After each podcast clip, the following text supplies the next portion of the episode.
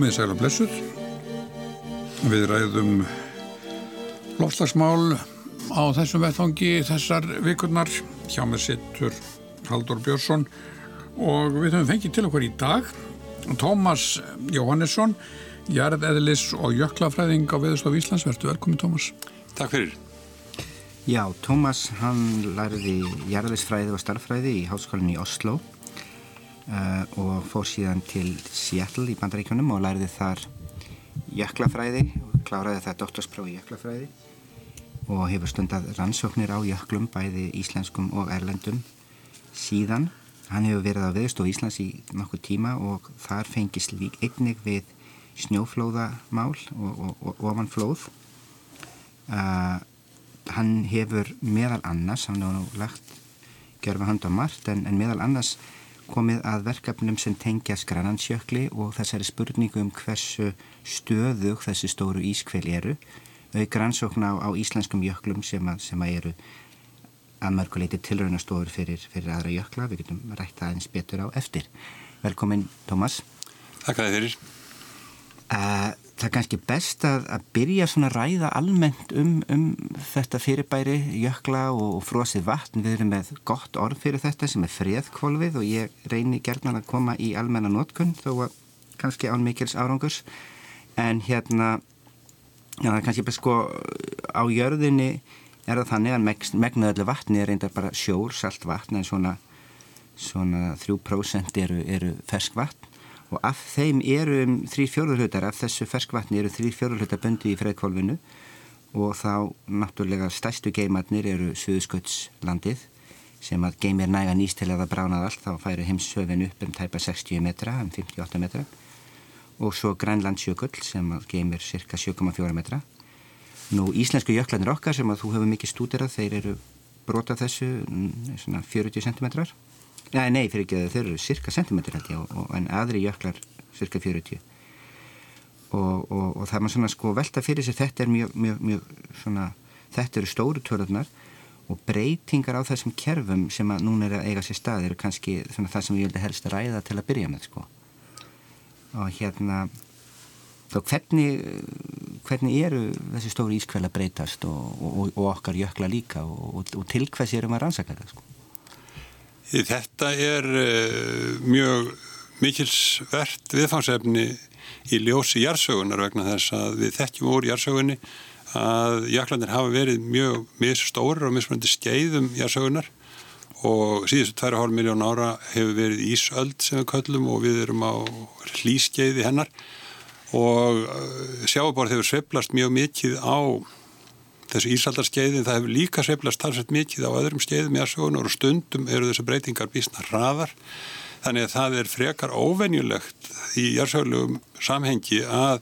sjáborð hafi verið tiltölulega lítið að breytast árþúsundum saman eins og hefur verið síðust árþúsundin. Og menn hafa einmitt núna á síðustu árum verið að afla sér heilmikillar þekkingar á því sem hugsanlega gerist á næstu áratugum, árhundruðum og, og kannski svo litið lengri tíma með því að skoða tímabili jársögunar þegar breytingar hafa átt sér stað og hversu hratt þær hafa átt sér stað. Þannig að menn eru átt að segja á því núna og það eru kannski bestu vísbendingar sem við höfum um hvaða breytingar getur verið í vendum. Menn hafa verið að reyna að meta hversu miklu hlýra eða kaldara hefur verið á mismunandi tímaskeiðum og hvað hefur sjáarborð þá ef að það náði nokkur nefn jafnbægi verið miklu hærra eða lagra heldur en núna og við komum kannski betur að því síðar en, en uh, hvaða tölur mennur að tala um þar en, en, en þetta eru mjög aðeinsverðar staðrindir og einnig að uh, það verða, verðist vera ákveði svona jafnvægi á mismunandi stöðum. Þannig að hlínar um eina gráði eða tvær að þá viðhaldast ekki tilteknir jöklar sem eiga sér ekki tilveru möguleika í svo litið hlýra lotslægi og menn eru að, að, að skoða hvar þessi þröskuldar liggja fyrir mismunandi jökul kvel og afla sér jarfræðilegra vísbendinga um breytingar þarna. Og þetta er, hefur mikið skýrst síðustu 5-10 árin. Og, og, og hérna uh, alþjóða samfélagið, vísindamenn og saminuðu þjóðunar eru farnar að, að dragast þessar upplýsingar saman í ráðgjöf til stjórnvalda um áhrif loslasbreytinga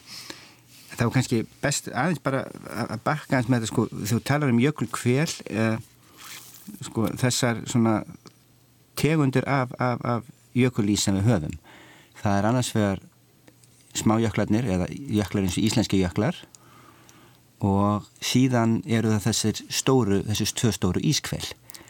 uh, Orðalagið í þessu er reyndar aðeins breytilegt og, og, og það er svona viðtekna orðin fyrir þetta núna á íslensku eru uh, stóru jöklarnir þessi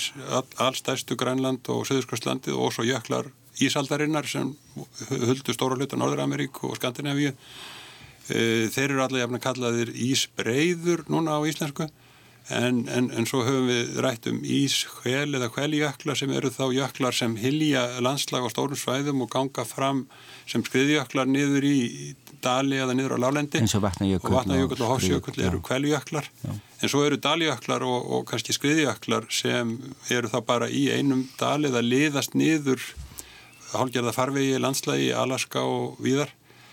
Að þeir eru annars eðlis en, en það er svolítið merkilegt fyrir okkur ístinga að, að tala um litla jökla eins og vatnajökul en, en við hópum sem sagt jöklarna sannig saman að,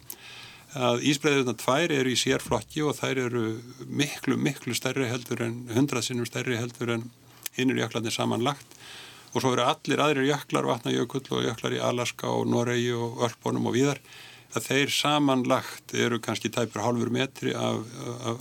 svara til hálfsmetra hækkun á sjálfmáli og þeir bregðast við á miklu skemmiri tíma mm. og, og, og núna eh, í sambandi við svona hraðari breytingar á sjáumáli sem eru hugsanlegar ef að hlínar hömlulöst út öldina mm. að þá erum við farnir að líta fyrst og fremst til stóru ísbreðuna vegna þess að þær hafa knúið þessar fyrri forsögulegu hröðu ja. breytingar. Mm. En ef ef við þá lítum kannski fyrst á þessa, á, á þessa minnijökla sko, hvaða eru þeir almennt að hopa og, og svona spurningin sko hvaða afleiðingar hefur hop slíkra jökla skiptir það máli að einhver jökull í himalægi fjöllum dræði saman. Hva, hva, hvers vegna eru menn að, að velta vengum yfir þessu? Eiginlega Já þessir minnijöklar hafa bæði almennar afleiðingar yfir alla jörðina vegna þess að þeir eru þáttur, þeir eru kannski eitt þriðjir hluti af sjábórshækkuninu sem nú er að verða og hún er orðin það mikil að það skiptir máli við flóðahættu fyrir flóðahættu í Fenegjum og, og, og Hollandi og, og Bangladesh og víðar á jörðinni að, að sjáborðið er núna hækka um millir 3-4 mm á ári okay, ja. og litlu jöklarnir eiga um það byrj millimetra af þeirri hækkun. Já. Þannig þeir eru mikilvægir í því samhengi þó við gerum ráð fyrir því að Suðurskjóðslandið og Grænland fari fram úr þeim, allir Grænland sé ekki orðið svipað og allir aðrir jöklar samanlagt að þess, þessum minni jöklum og svo er Suðurskoslandið að herða á sér og, en, en er enþá talsett minna þess framlag heldur en Grænlands. Mm. En litli jöklarnir hafa líka uh, talsverð áhrif á þau landsvæði sem eru næst þeim og byggð í himalægi fjöllum og hér á Íslandi og víðar. Við erum með mjög stóran hluta af okkar ferskvatni, reyndar er vatn sem er bundið sem grunnvatn, ég vil kannski ég vil meira enn í jöklunum samanlagt en, en grunnvatnið er í, í, í holrýmum í bergi og þannig bundið að á því verða engar breytingar í fyrir sjáanleiri framtíð meðan jöklarnir jafn gilda 20 metra lægi af ís yfir all landið. Og þeir eru núna minka sem nefnur um það byrj metra á ári. Og það hefur nú þegar umtalsverð áhrif á vatnafar og nýtingu vass í, í vassorkuverum og, og mm og breytingar á jöklunum reyndar ímis önnur óbein áhrif eins og landliftingu í, á Suðaustulandi og breytingar á hafnarskilurðum og höfni hodnaferði og breytingar á jökulvötnum og, og, og vegamannvirkjum sem mm. af því leiða og fleira og fleira og fleira þannig að Já. þessar staðböndum breytingar eru mikilvægar líka mjög víða. Já og þá kannski líka sko matla, það, það eru þekkt þessi áhrif ekki sett frá staðböndum áhrifum til dæmis í heimalægi fjöllum að þeir, þeir tempra vassflæði gegnum árin. Það er að segja þegar að ákveðin tíma ástæður ekki rigni mikið þá er að koma jökulvatn ofan úr fjöllunum. Já, það er, það er mjög mikilvægur þáttur sem við þurfum yfirleitt ekki íslingar að hafa áhyggjur af vassskorti og, og, og, og okkar svona vassmiðlun er ekki mikil milli ástíða nema í virkjunum en, en, en þar sem er monsónloftslag eða mikla breytingar á, á, á úrkomu milli ástíða. Þar geta jöklandir gert mjög miklu hlutverki og bæði í andisfjöllum og heimilæðifjöllum þá standa jöklar fyrir vassrensli á þeim tíma ársins þegar það er þurft af öðrum ástæðum og, og, og, og er, það er annars vegar þessi þáttur jöklana í, í, í landbúnaði á, á, á þurrum tímabilum ársins og hins vegar e, flóðahætta þegar jöklanir hörfa og skilja eftir sér stór lón okkar lón eru flest e, niður við sjávarmáli eða þar sem ekki er mikil flóðahætta úr þeim meðan jökullón í, í, í heimilæðfjöldum sem eru mörg hundru talsins þau eru að stækka mjög mikið og þau eru meirið að minna stípluð upp af jökulgörðum sem eru eða kunna vera óstöðuðir mm. og þarna hafa orðið talsest lis og byggðin er í þraungum dölum þannig að þegar það bresta jökulgarðar undan vass þunga í jökullónum sem myndast við hörfandi jökulsporða þá geta ætt flóðbylgjur með, með, með eins konar örflóði samtímis e, niður dali og sópa með sér heilum þorpum og, og það hafa orðið stórslis af þess völdum mm. og, og það er mjög erfitt að komast að þessum lónum og verklegar framkvæmdir til þess að rjúfa stí, þessar stíplur eða, eða dæla þeim eru miklum erfileikum háðar vegna þess hvað torvelt er að komast að þetta er í mörg þúsund metra hæði við sjó og fjari öllum byggðarlögum Þannig að, að, að það er mjög erfið viðfáðsefni í, í himalægfjöldum sérstaklega sem tengjast hörfun jöklana þar. Mm. Þú nefndir, Tómas, eh, landliftingu hér á Íslandi. Er þessi, þessi hugmyndum að, að til dæmis vatna jökull kvíli svona eins og farg á landinu, er, er, þetta, sam, er þetta sem sagt samspil við, við hör, hörfun jökla, samspil sem að segja, þú nefndir að það hækkar í sjónum en landið hækkar líka eða getur hækkar líka. Já, það er, það er snart þáttur í eh, jökulskeiðum og hlýskeiðum að jöklanir eru svo massa miklir að þeir ferkja landið og, og, og við þekkjum það úr um, frá ímiskonar ummerkjum hér á landi um forna sjávarstöðu og á Ísöldinni þá, þá, þá þrýstist Ísland niður svona 20 metra og í meirinn 100 metrum á okkunnum svæðum og menn er að finna kvalbein í, í námum í heilmikilli hæði við sjáamáli og sjávarkampa lengst upp í borgarferði. Þannig að það er mjög vel þekkt að þessi áhrif uh, hafa verið mikilvæg í jársögunni og breyt, þessar breytingar sem núna er að verða á jöklunum þær eru nægilega miklar til þess að, að landiris, þar sem það er hraðast á landinu, er auðvitað tíu svona hraðara heldur en sjábárshækkunin. Já og, og, og þannig að þar sem landiris gætir þar er, eru áhrif þess miklu meiri heldur en þessi almenna sjábórshækkun og við Íslingar þurfum að laga okkur að, að, að bæði landirissi á okkunnum stöðum og sjábórslækkun eða það sem við kallum afstæðri sjábórslækkun og svo hækkun sjábórst annar staðar sem getur reynda stafað af ákveðnum breytingum í erskorpunni þar sem hún getur verið að síga af einhverjum öðrum ástæðum en jöklunum út af hægfara kólnun mm. í tengslu við gósbeltin og eitthvað flera. Þannig að þessi mynd er þar sem flókin á Íslandi og flóknarinn í flestum öðrum löndum mm. og, og, og, og svo aðlögun sem, sem er, er, er viðegand á hverjum staði er, er háð skilningi á öllum þessum ferlum. Nefnir gósbelti er hugsanlegt að hefur þetta áhrif hugsanlega líka á á, á eldstöðvar í Íslandi? Það eru svo enn einn áhrifin sem, sem mörgum finnast merkilega og þegar þetta er fyrst sett fram þá gætir svona vantrúar en við þekkjum þá í jársögunni að, að gósvirkni verður meiri í kjölfar uh, afléttingar á farki. Þannig að eftir Ísöldin er talið að, að hafi orðið stór dingjugós og gós hafi verið eitthvað algengari heldur en síðar varð. Og það hafa rannsóknarhópar sem eru í samstarfi við íslenska vísindamenn er lagt mat á það hversu mikið kviku framleiðsla í möllinum kann að aukast mm. eða undir Íslandi kann að aukast vegna þess að farginu léttir af og það er sem sagt þekkt að, að bræðslumarka kviku er háð fargi og, og, og, og það eikst sem sagt einhverju marki. Kviku framleiðsla djúft í jörðu vegna fargléttingarinnar síðan er annað mál hversu hratt þessi kvika berst upp í kvikuhólf og til yfirbórs og, og, og, og þar er, er mörgum spurningum ósvarað. Og það er ekki að sjá þau ummerki í góðsögunni núna á síðari áratögum að þar gæti, hún er náttúrulega mjög breytilega á milli alda og ekki alveg auðvelt að sjá hvort einhver aukning er að verða þessum völdum eða ekki. Þannig að menn, menn sjá engin uh, merkis sem eru ótfjörðum það að þetta sé að gerast en menn vita af þessu og, og það er svona svo litið merkileg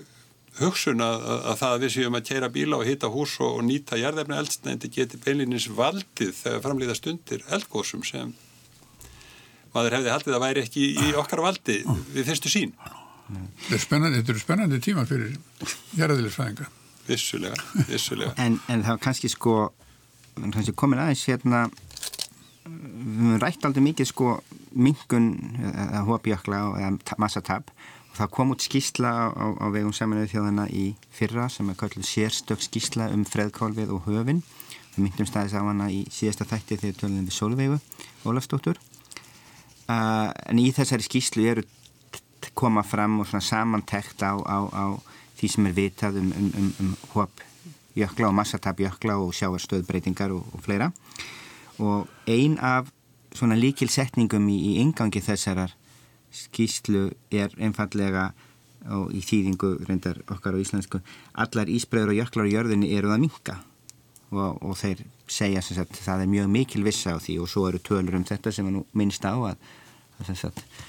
það er tæpur millimetr 0,77 á ári sem kemur frá smájöklunum, annað eins frá Grænlandi. Og svo Suðskvæslandið eitthvað minna og, og þú benda á Suðskvæslandið mun sennilega herða á sér af því hvernig það liggur en, en spurning kannski sem ég hef áhuga á er, er sko hvernig vitum við þetta og hversu vel vitum við þetta nú segja saminu þjóðin hérna að það er mikilvægs á þessu á hverju byggir slíkt? Þetta er mynd sem er að verða miklu skýrari það er ekki nema 20 ár síðan menn höfði í raunin engar almenlegar mælingar á því hver þróunin væri að verða á Grænlandi og Söðskvistlandinu. Þarna eru er geysileg viðátta og, og mælingar á snjóþygt eða, eða leysingu uh, á einum stað segja voðalega lítið um þróunina yfir þess að Söðskvistlandið er, er heimsálfa sem, mm. sem er geysilega fjölbreytt og, og þó eitthvað sé að gerast þar á einum stað getur það stafað af bara einhverju breytingum millir árið áratögu á vindafarið öðrum aðstæðu. Þannig að það var ekki fyrir með nýri tækni, sérstaklega gerfinnöttum sem fór að skýrast menn hafið ákveðnar grunnsendir eða þóttust nokkuð vissir um að Grænland væri að minka og, og töldu með, út frá öðrum vísbendingum að Suðurskjöldslendi væri svona nokkuð inn í jafnvægi og þetta hefur hvort tveitja reynst vera rétt. En óvissu bilið á þessum tölum báðum var kannski tíu sunni meira heldur en besta matið á breytingunum sem við varum ræða. Þannig að árlega mingunin var einhver tiltekinn tala og svo var ósumatið á því kannski tíu sunni meira. Þannig að það, það samræmdist í grófum dráttum bestu mæligögnum að báðar þessar ísbræðir væru að vaksa en það var, meira, það var líklegur að það væri að minga. Síðan eru allskyns óbeinar afleiðingar af breytingum í, í massa þessara jökla meðal annars snýst jörðin um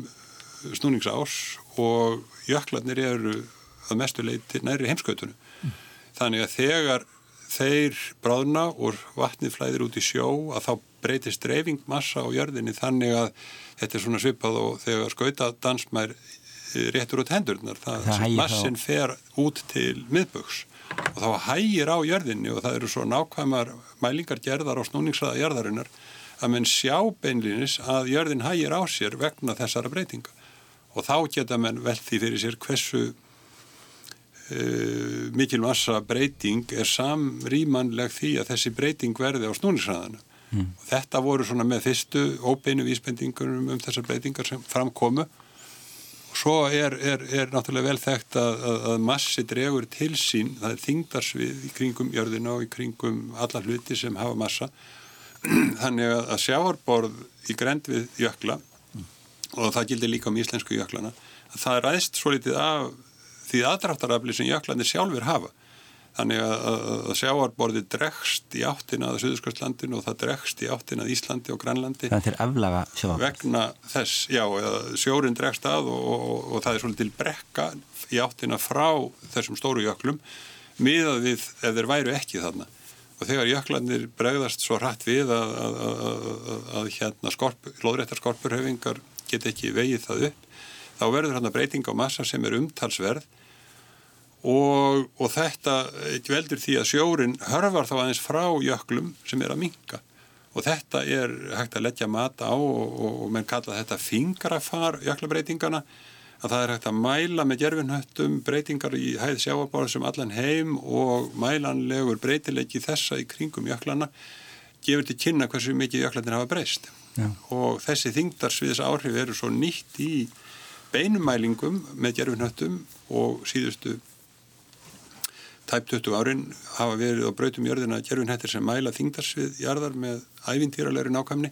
og þeir mæla með beinum hætti þessi áhrif á þingdarsviðið af breytingum í massa jaklana og bestu mælingarnar okkar á, á jaklunum núna eru annars vegar þessar þingdarsviðsbreytingar sem gefa til kynna nokkuð nákvæmlega breytingarnar á öllum þessum jöklum, bæði Grænlandi, Söðurskvöldlandinu og að vissu marki svæðisbundnar breytingar á massa og, og, og jöklunum í Alaska og Íslandi og víðar og svo er að koma núna uh, og hafa verið að berast síðustu tæp tíu árin nákvæmar bara hæðarmælingar auðborðu jöklana mm. þannig að það eru orðin til landlíkön nokkuð nákvæm sem sína þessar breytingar mm. og þá kemur í ljós að að jöklabreitingarnar eru langhraðastar og það skiptir mestu máli hvernig það er að þróast á litlum svæðum afmörkuðum svæðum sem eru brot af heldarflatarmáli jöklana Þannig að við í Lúlisatjökul á Grænlandi er að verða langhröðustu breytingar á öllu Grænlandi og þær skipta mestu máli þar og örfáum öðrum stöðum. Á Suðurskoslandinu eru sömulegðis að verða breytingar við ámundsenflóa og, og víðar en þó fyrst og fremst á Suðurskauts skaganum og við ámundsenflóa og þar eru í raunin að verða nánast allar breytingarnar sem Suðurskauts landið leggur til Og hér á Íslandi eru breytingar líka byrstna staðböndnar við jökul í aðaranna og við breyðmörkur jökul til dæmi sérstaklega.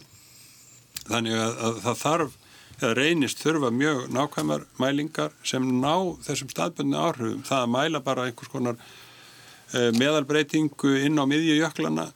og, og, og reyna að draga úr því ekkert meðaltal með tiltalega gistnum mælingum dögar ekki vegna þess að á stórum hlut á jöklana eru nánast engar breytingar að verða. Mm. En svo eru þessar hröðu breytingar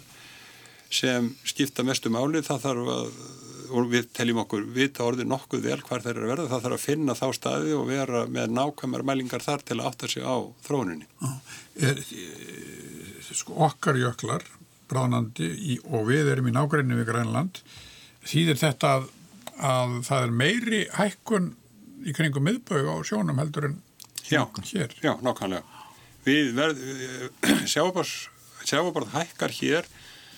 talsert minna en að meðaltali yfir heimsauðin annars er vegna breytinga á íslensku jöklunum sem eru að toga minna í sjóinin áður var og hins vegar vegna nálæðarinn við Grænland sem e, togar sömulegis minna og, og, og, og þessi lægð í sjónum miða við það sem ella væri, hún næra alveg til Íslands og það hennar gætir lítilega við vestuströnd Evrópu. Meðan sjáabarði hækkar hlutfarslega mest á breyðu svæði í kringum miðbögin og því miður er það þá jável mest á þessum kérhafsegjum þar sem menn mega alls ekki við þessari hækkun að þar eh, er sjábórshækkunin kannski þreföld þar væntamenn sjábórshækkunar sem er með þreföldum hraða á við hér á Íslandi mm. að meðaltali. Og svo flæðið tilbaka þegar Grænlandsjökull er búin? Já, það rýs hægt og rólega það land en það tekur mjög langan tíma sko það, það tekur árþúsundir fyrir jarðskorpuna undir Grænlandi að rýsa tilbaka þannig að, að, að möttul massi fari að, að vega upp á móti þessum massa af ís sem áður hefur tapast. En, en minn hindur sér næst sko á bæði árþúsundir og, og, og, og íslensku jöklana þá er líka áhugavert að velta fyrir sér sko þeir, þeir hafa náttúrulega breyst mjög mikið frá því að já, Ísöld lauk í, í lok Ísaldar að síðasta hlýskeið eða upphæðu þessa hlýskeið þá hérna þá voru þau mjög litlir og miklu, miklu minna þeir síðar urðu og, og, og hvað hvað er þetta langt ferli að, að jöklarnir hér er að byggjast upp og ná þeirri stærð sem þeir, þeir eru núna hvað vitum við um, um slíkt? Það er náttúrulega, það er aðteglisvert í sambandi við þar breytingar sem gætu orðið í, næstu öldu eða öldum hvað jöklarnir bæði hér á annar staðar er í rauninni breytilegi fyrir tilturlega litlar breytingar og lafslægi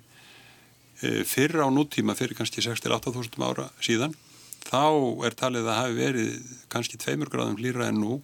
tæplega það Að sumarlagi. Að sumarlagi það var, já, það er semst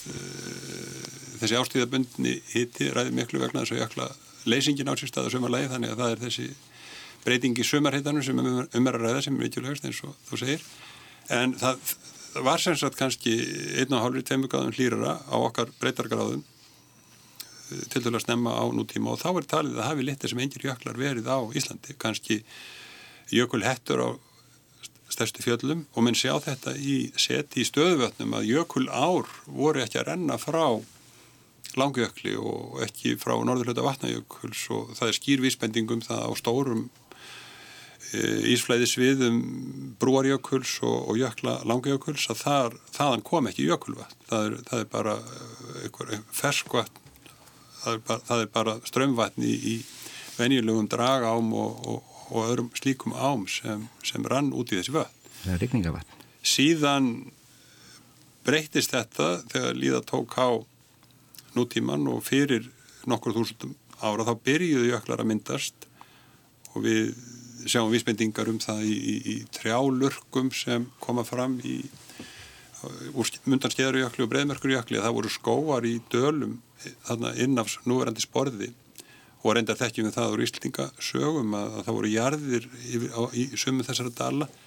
Þannig að jöklarnir við landna voru miklu minni heldur en núna og það má nú bæði draga þann lærdom af þessu að það er ekki náttúrulega mál að jöklarnir séu akkurat jafn stórir og þeir eru núna. Bara í Íslandsbygðu það hefði verið mjög mis stórir og, og það er eh, eitt sem vekur stundur svolítið aðtekli hjá útlendingum að þessir jöklar voru meirið að minna til bölvunar stóran hluta Íslandsbyggðar. Þannig í þeim skilningi getum við bara verið feg, fegin að þeir eru að minka og þeir eru alls ekki að minka út fyrir þann ramma sem venjulegu náttúrulegi breyting þeirra á, á bara tímum Íslandsbyggðar hefur, hefur verið. Það sem er áhugja efni út frá sjónarhóli okkar Íslandinga er hins vegar kannski og má ekki draga úr mikilvægi þess að breytingar á jöklunum núna eru vísbendingum það sem er í gangi og það er segja okkur um það sem ég vændum er og það er ekki því að það sé gott þó að frá sjónarhóli Íslandinga á miðeldum væri bara átjækt að jöklandi minguðu. Já, þeir, þeir þá voru þarna upp á hálendis þessi stóri skriðjöklar eins og frá vatnajökli voru sennilega ekki jafn stórir, það er þarna, Bú, Kára, Sölmundarssonar og fleira sem þekkjum að breyða á sem, sem að núna er bara undir jökli. En hérna og svo eru eins og stendur núna þá er veruleg hlínun í gangi og, og hérna og, og við sjáum marga þessum svona minnifönnum og, og smájökla sem er að hverfa og náttúrulega frægasta dæmið þessa dagana er, er okk sem er svona fyrsti nefndi jökullin hér. En, en við getum búið því að fleiri af þessum sambærlegum jöklum fari á næstu ára tögum ekki sett. Við þekkjum mörg dæmi hér um jökla, litla jökla fyrst og fremst sem, sem eru bara alveg hornir þannig að þegar fólk uh, gengur upp í skálar og dali þar sem þessir jöklar voru þá eru menn bara að lappa yfir, yfir gróður litla urð sem jökullin skilur eftir sig þegar hann hverfur. Átur Sigursson, vinnufélagi minn, hefur gert yfirliti yfir þessa jökla og, og skila því í alþjóðlega gagnasöp þar sem við leggjum okkar loða vogaskálanar að fylgjast með þessum málum og hann, hann hefur afmarkað um það byrj 300 jökla á landinu og, og milli áruna 2000 og 2017 og þá telst honum til að yfir 50 jöklar sem, sem voru sem sagt afmarkaðir fyrir bara 20 árum síðan að, að, að, að höfðu nöfn og, og voru sem sagt kennileiti í landslægi að þeir eru núna hortnir annarkvort alveg hortnir eða orðir að, að ís skellum sem ekki hreyfast og, og teljast ekki vera svona jökull í, í, í, í jöklafræðilegum eða eðlisfræðilegum skilningi. Og okkar nafnkvörnast dæmið um, um þetta. það, en, en, en við þekkjum það út frá þessari breytingasögu hér á landi daldi vel hvernig þá við hefum að tólka breytingar annar staðar. Íslensku jöklandir er að vissu leiti svona kjenslistofa þar sem sömu ferlinn eiga sér stað eins og við annar staðar. Bæði er náttúrulega ákoma og leysing með sama hætti en það eru líka dæmi hér á Íslandi um svona mm,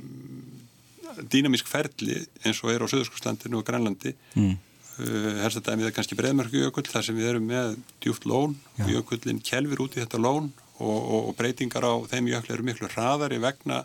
samverkandi áhrif e, flæðis á heitu vatni inn í lónið, bráðununa við sporðin og síðan kjelvingar á sporðinu. Já.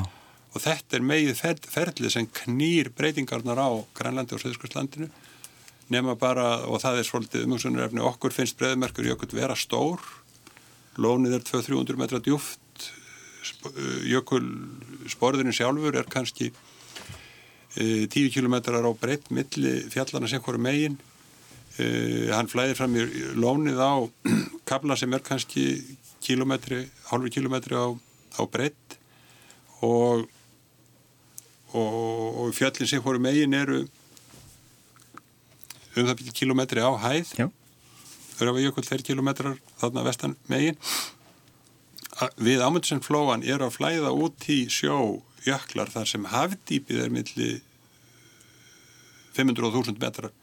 Þar sem jökulsporarnir sjálfur geta verið 10 kilometrar breytt þar sem þeir kelva í sjófrán þar sem skriðhraðin kann að vera 5 kilometrar ári samanbóru við nokkur hundru metra á breyðmörkujökli en ferlin er í aðalatriðum þau sömu þannig að þessi jöklar eru sambærilegi við það að þinn kjælvandi frontur í jökulsarlóni næði alveg frá Örafajökli til fjallana austan við jökulin Já. og hafdýpið væri jafn mikið eins og halva leið upp í hlýðar Örafajökuls og þessi massi sem að getur verið svona ímynda sér þegar maður stendur fyrir framann breyðmörkujökul hann væri að koma þarna með þessari dýft, þessari breytt og þessum hraða sem er í öllum tilvikum hátt í tíusunum meira heldur en á öruveklega meira. Og það er þetta ferli sem er að því að talið er vera óstöðugt í þeim skilningi að þegar jökull í þessar aðstæðu byrjar að hörfa. Og þarna er sem sagt botn jökulsins, hann hallar inn til landsins þannig að þegar hörfurinn hefst og þá verður hafdýpi stöðugt meira, meira eftir því sem jökullin hörfar, hann getur verið að hörfa marga kílometra á ári, millir 5 og 10 kílometra ári jafnvel. Þessir jökullin eru búinir að hörfa núna um 10 kílometra uh, á síðustu árum. Og við vitum úr jarðsögunni og það er einmitt að sapnast ábyggileg gögnum það að breytingarnar þarna eru og hafa verið mjög hraðar þannig að þegar þessar breytingar farið í gang. þá. Já, Já, fyrir alvegur þá getur sjáborð í heimsögunum verið að hækka um alltaf fjóra sentimetra á ári. Á ári. Langtími saman meðan þessar breytingar ganga, ganga hraðast fyrir sig. Þannig að margir vísindamannar sem eru að rannsaka þessi ferli telja að það þurfi að draga mjög hratt úr hlínun og menn hafi mikið verið að ræða um hlínun upp á 1,5 gráður, 2 gráður og, og mjög margir telja mikla ástæðu til þess að miða við einu og halva gráðu og margir þessara vísindumann að líta á þessa einu og halvu gráðu sem svona milli skref í því ferli að menn ætti raunin að vera að stefna að einni gráðu og það væri auðveldar að gera það að menn fyrst miða núna við að reyna að stöðva sig í einu og halvu gráðu og og, og, og svo þurfum við í rauninni að vinna kólefni úr andurslóftinu og, og reyna að koma sér á til lengri tíma litið allt annan stað heldur en heldur en til dæmis tværgráður. En það er, það er áhugaverð sko í, í þessari skýslu eh, sem ég myndist á eh, sem kom út á síðasta ári nú, nú höfum við báðir fylst með tölum um sjáariðborshækkun í nokkur áratýji og, og spám um það og, og það, tilfellið er að rannsóknir sína sko að að geta okkar til að spá um hlínunni hefur verið þó nokkuð góð þar sé að við erum svona cirka í, í meðaltalinu millir þeirra spáa sem að hæstar eru og spáa sem læstar eru með að við hvað sem ekki hefur verið losað. Og, og, og þannig að getan, spágetan þar verist ágætt en þegar kemur að sjáastöðuhækkun þá er það yfirleitt þannig að sjáastöðuhækkunin hún hefur tilnefnt til að vera svona eins og yktustu tilvik frá IPCC eða milliríkjanemt saminuði þjóðana eða svona yktustu tilvik frá vistasamfélaginu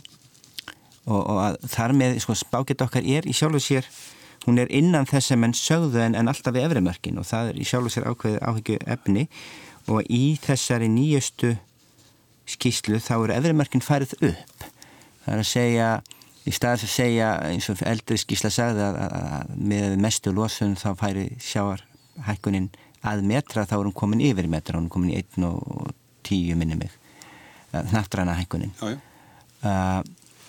og, og, og, og það gæti sko Suðskurslandi verið að leggja til meirinn sentimeter á ári ef að, ef að, hérna, ef að það fer á þann veg og það myndi síðan halda áfram. Og þá, þá fer maður sko velta fyrir sig hvaða, hvaða afleiðingar þetta myndi síðan hafa á, á bara strandsamfélög og, og fleira. Hvert, hvert svona stefnir? Það er rétt að að sjábórshækkunin hefur svo sjábórshækkun sem varaðir við eða búist er við þetta hefur hækkað bara um helming á, á, á síðustu 5-10 árum. Uh, hluti af því hefur stafað af, af því að þessar skýslur og álitsgerðir miða við það sem henn geta reknað og, og metið með líkonum og þessi ferli þar sem kjælfur í sjó fram og, og, og þegar, þegar sem sagt verður hröð breyting á, á, á, á ísbriðunum þau hafa, við, það er ekki til líkon sem lýsa þessu í smáatriðum. Og, og þess vegna hafa menn í, í, í þar síðustu skýrsli PCC lagt fram mat af því sem líkonin geta reiknað og verið svo með almenn orð um það hvað gæti gerst vegna þessarar dýnamísku áhrifa sem eru núna að hluta til komin inn í tölutnar en voru áður svona til hliðar. Og þá voru menn meirið að minna alltaf að nefna tölutnar sem ekki fólu í sér þessi áhrif og þessi almenni aðtöga semdum að það þurfti að hækka bilið fyrir sjábúrshækkun fylgdi ég ofta ekki með. En menn hafa bröðist í þessu núna í, í, í setjum tíð með því að reyna að tólka nánar þessar jarfræðilegu vísbendingar af því að það er alveg að vita hversu miklu herra sjábúr var til dæmis á EM lífskeiðinu fyrir 120.000 árum og þá teljum ég sér vita að við um það byrjt feimur gráðum hlýra veður á jörðinni svona og þessum norðum slóður í arðarinnar að heldinni til þá kann sjáborða hafa verið 7-8 metrum herra yfir jörðina meðaltali. En það er núna? En það er núna. Ah. Og, og, og, og þá geta með dreigið þá álugtun að í svona fjarlæri framtíð þegar hlutinir hafa jafnað sig ef að menn stöðvað sig í teimur gráðum að þá gæti stemt á árhundruðum eða jáfnvel þúsund árum í 6-9 metrum herra sjáborð. Mm og með sama hætti telja menn að, að hlínun upp á eina gráðu sem þegar er orðin fel í sér þegar til lengri tíma er litið eins til 30 metra hækkun á sjó og ef að hlínar um þrjár fjórar gráður sem er alveg möguleiki ef að haldið er áfram alveg á fullir í ferð án þess að reyna að ná tökum á stöðunni þá benda jarfræðilega vísbendingur um að til þess að sjábúr geta hækkað um 12 til 20 metra. Og, og, og þetta er miklu þetta eru miklu uh, betri vísbendingar sem felast í þessum tölum að vissu leiti heldur en törfulíkonum þar sem við vitum að mikið um átískanur og hlutin gæti verið hérna óvissir um uh, töfald eða fjórfald þar sem verður að rekna þetta eru beinar mælingar á sjáborði sem raunverulega var herra á jársögulegum tímaskeiðum og, og, og nokkuð ábyggilegar niðurstöður. Það sem er ekki þekkja jafnvel er, er hversu hraðar þessar breytingar kunna vera. En það er smám saman að koma fram líka ákveðin þekking á því það er erfiðar að draga það út úr járfræðilegu viðbendingunum og, og semst all margir sentimetrar á ári er, er, er það sem menn telli að gæti orðið niðurstaðan sem er líka í bærlegu samræmi við það sem er mæla núna vegna þess að hraðinu komin í 34 cm ári sem er þreföld, millir 2 og þreföldun frá því sem var að meðaltala á 20. öldinni og það að, að þessi tala geti farið úr 3-4 mm ári upp í centimetra sem er ekki nema þreföldun þegar við erum þegar búin að sjá töföldun og upp í eða ennþá stærri tölur, það er í rauninni ekki erfitt að ímynda sér það. Nú, nú kom fram í þessari skýslu sem ég minnist á þá er talað um að á lásvæðum sem eru þá svæði sem eru getur orðið fyrir áhrifum vegna sjástöðahækunar búi um 680 miljón manns og miða við svona bara fólksfjölda þróun þá getur þið farið í miljard á slíkum svæðum fyrir miðjöldina. Jájú og, og þá er náttúrulega spurningin sko hvaða hvert eiginlega stefnir þetta? Það er það, það, það virði stefna í allavega sem að tali pent verulegar áskoranir fyrir, fyrir hérna samfélag að, að strandsamfélag að, að glýma við þetta Þetta er orðalagi mitt sem svona það sem kallað er á íslensku ráðasmiðir eða, eða spinndoktor ríkistjórna myndu nota um þetta. E, í umræðum um þetta hefur reyndar verið stundum nefnt að, að mannkynni hefur ekkit búið á sömu svæðum alla sína tíð þannig að Íslandingar eru bara fluttir yngar til Íslands fyrir 1100 árum og í, í, í sögu Breitland segja þá er vitað að menn numur land á Breitlandsegjum á fyrri lískeiðum Ísaldar síðan hörfiðum en bara frá Breitlandsegjum þegar þar varð óbyggilegt og, og, og fluttur svo, sig svo þangað aftur og það eru mörg dæmi um slíka þróun í sögu mennkinsins En kannski var nú meira pláss En þegar sko. menn standa frammi fyrir því núna að til, þetta er reyndar þannig að, að hluti af þessari þróun á sér stað á þeim tíma að, að mannvirki úreldast þannig að sumir hafa sagt að það sé í rauninni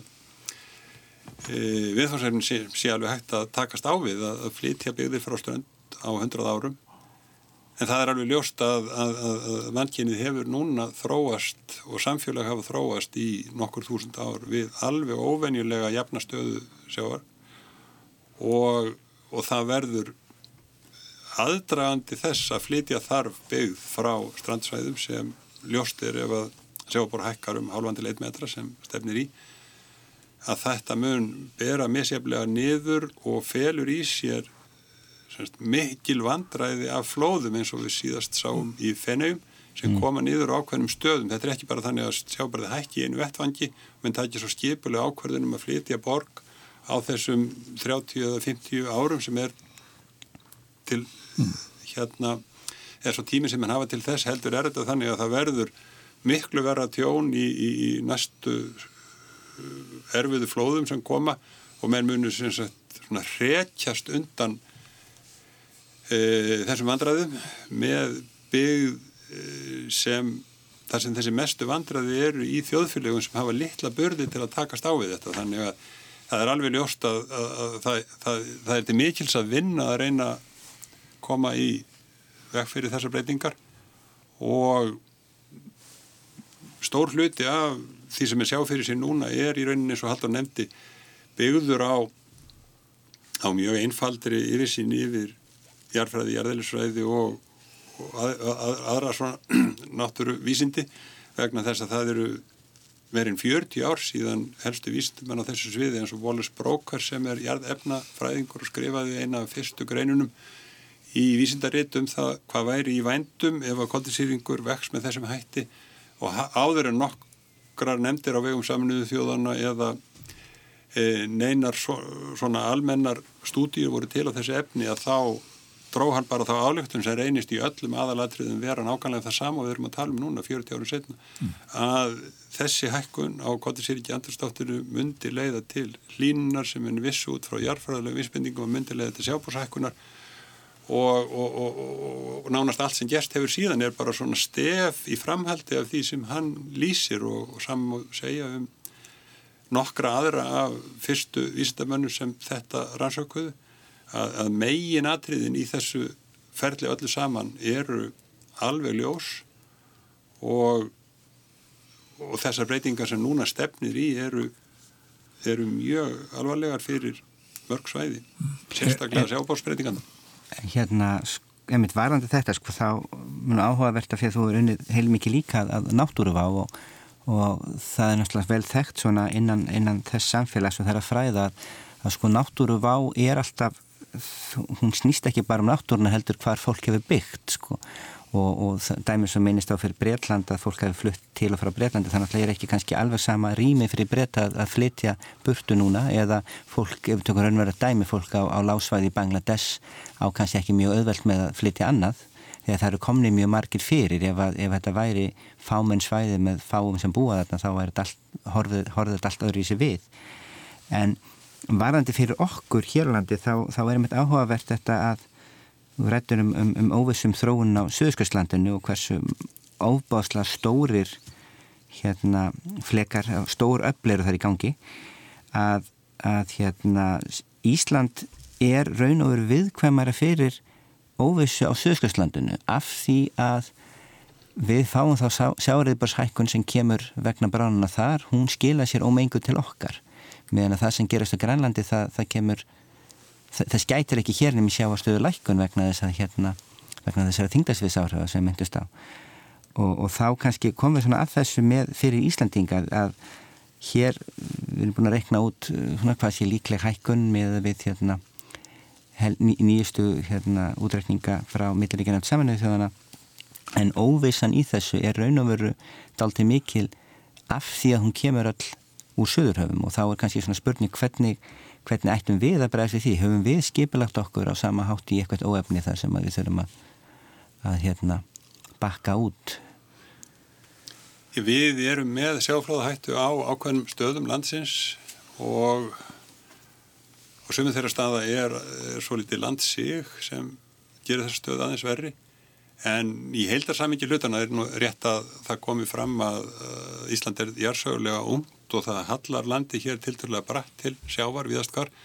Erfiðustu svæði veraldarinnar eru á óshólmum þar sem, þar sem mjög stór svæði eru í hæð rétt yfir sjámáli þannig að þegar sjávarborð hækkar þá, þá, þá verða vandræði á, á, á mjög stórum svæðum. Okkar hættisvæði eru örlítið brot af viðkomandi beðalögum í öllum eða næstum því öllum tilvikum þannig að það er nánast uh, kvartsíki að vera eitthvað að, að, að, að hérna, setja í sama orðinu okkar fyrir sjáanlegu vandræði og annar staðar en það þýðir ekki, ekki að huga að þeim. Það eru, það hafi verið sjáaflóða vandræði í nokkrum byggðalögum á Eirabakka og Stokkseyri út á Altanesi og hér í Kvosinni standa með framfyrir talsverðir í byggð þar sem er umtalsverð hætta á tjónavöldum sjáarflóða og Ísafyrði voru núna eh, sjáarflóða vandraði bara í vikunni og Siglufyrði hefur þetta komið fyrir og nokkrum öðrum stöðum. Þessum eirum. Eirarnar eh, eru sérstaklega vandamála því að þar veldur byggðin því beinlínis að land lækkar vegna framkvæmdarna og það þarf að gera ráð fyrir því e, okkar e, það að við flytjum frá strandinni jável ef að þörfirði á því í þessum tilvíkum þar sem við stöndum svona að það er alveg augljóslega teknilega leysanlegt vandamál á þeim tíma sem við höfum til þess þannig að, að, okkar vandamál eru það er líklega ekki hægt að koma við sjáflóða vörnum til langs tíma á öllum þessum stöðum en það að flytja þessa byggð er, er, er fyrir Íslands samfélag algjörlega leysanlegt en það er hins vegar rétt alveg öruglega að reyna að skipulegja hvernig þessi viðbúnaðir er sjá þetta fyrir og huga að skipulegi til langs tíma miða við einhverjar æskilegar fórsendur um sjáflóða hættu og, og skipulega byggðar og sem er í okkar tilfelli væntalega gildur það saman um hollendinga og nokkrar aðra þjóðir sem eru að háu teknist í að við getum leist þetta en í jarsögunni hafa Grænland og Söðurskjólslandið einhverju leiti fylst að í þeim uh, á því bíli sem hlýjendin eru líklegust það, þannig að það er líklegast að það blandist saman sjábórshækkun almennt síði heiminum og öllum Grænlands og svipuð sjábórshækkun frá Söðurskjólslandinu sem er svo samsetning sem en gerur að fyrir að hafi verið á EM-skeiðinu. Mm. Í því tilfelli mun sjábórshækkunin hér vera, verða verulega undir helmingi meðaltals heimsafana þannig að við erum með bæði miklu betri aðstæður af, af, af þessum landfræðilega ástæðum og miklu minna vandamál heldur en næstum því allar aðrar þjóðir. Er ekki staða,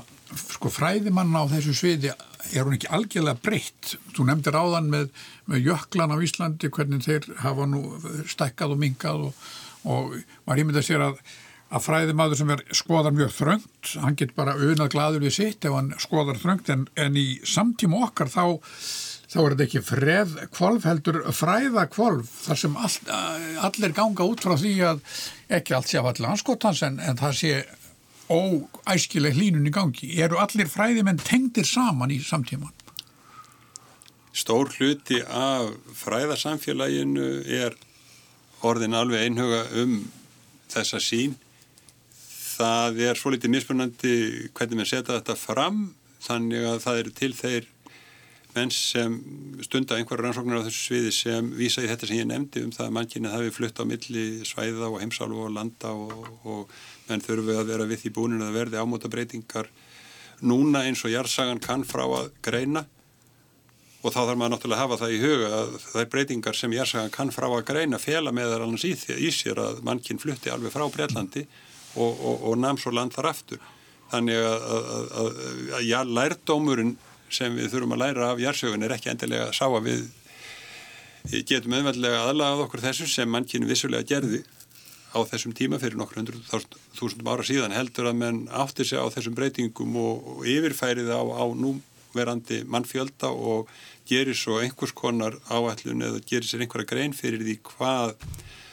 slíkar aðgerðir eða slíkar breytingar fælu í sér. Við höfum núna beinlínis fyrir augunum e, afleðingarnar af því að e, margir þurfa að flytja frá Sýrlandi, reyndar ekki vegna losnarsbreytinga heldur vegna styrjaldar átaka og svo áskorun sem það er fyrir nærlíkjandi lönd er æfintýraleg og ef við ímyndum okkur eitthvað slíkt væri að gerast í Bangladesh og jável í fleiri löndum samtímis að þá blasir við að, að, að, að það væri betra að reyna að ná einhverju stjórn á tilefni slíkra flugninga heldur en að reyna að takast á við þá þegar þeir eru brosnir á. Já, hér látum við staðanumir í dag. Tómas Jóhannesson, jarðælisfræðingur á viðstofunni. Bestu þakki fyrir að setja þessa stund með okkur Halldóri Björnssoni og hlustandu. Takk fyrir mig.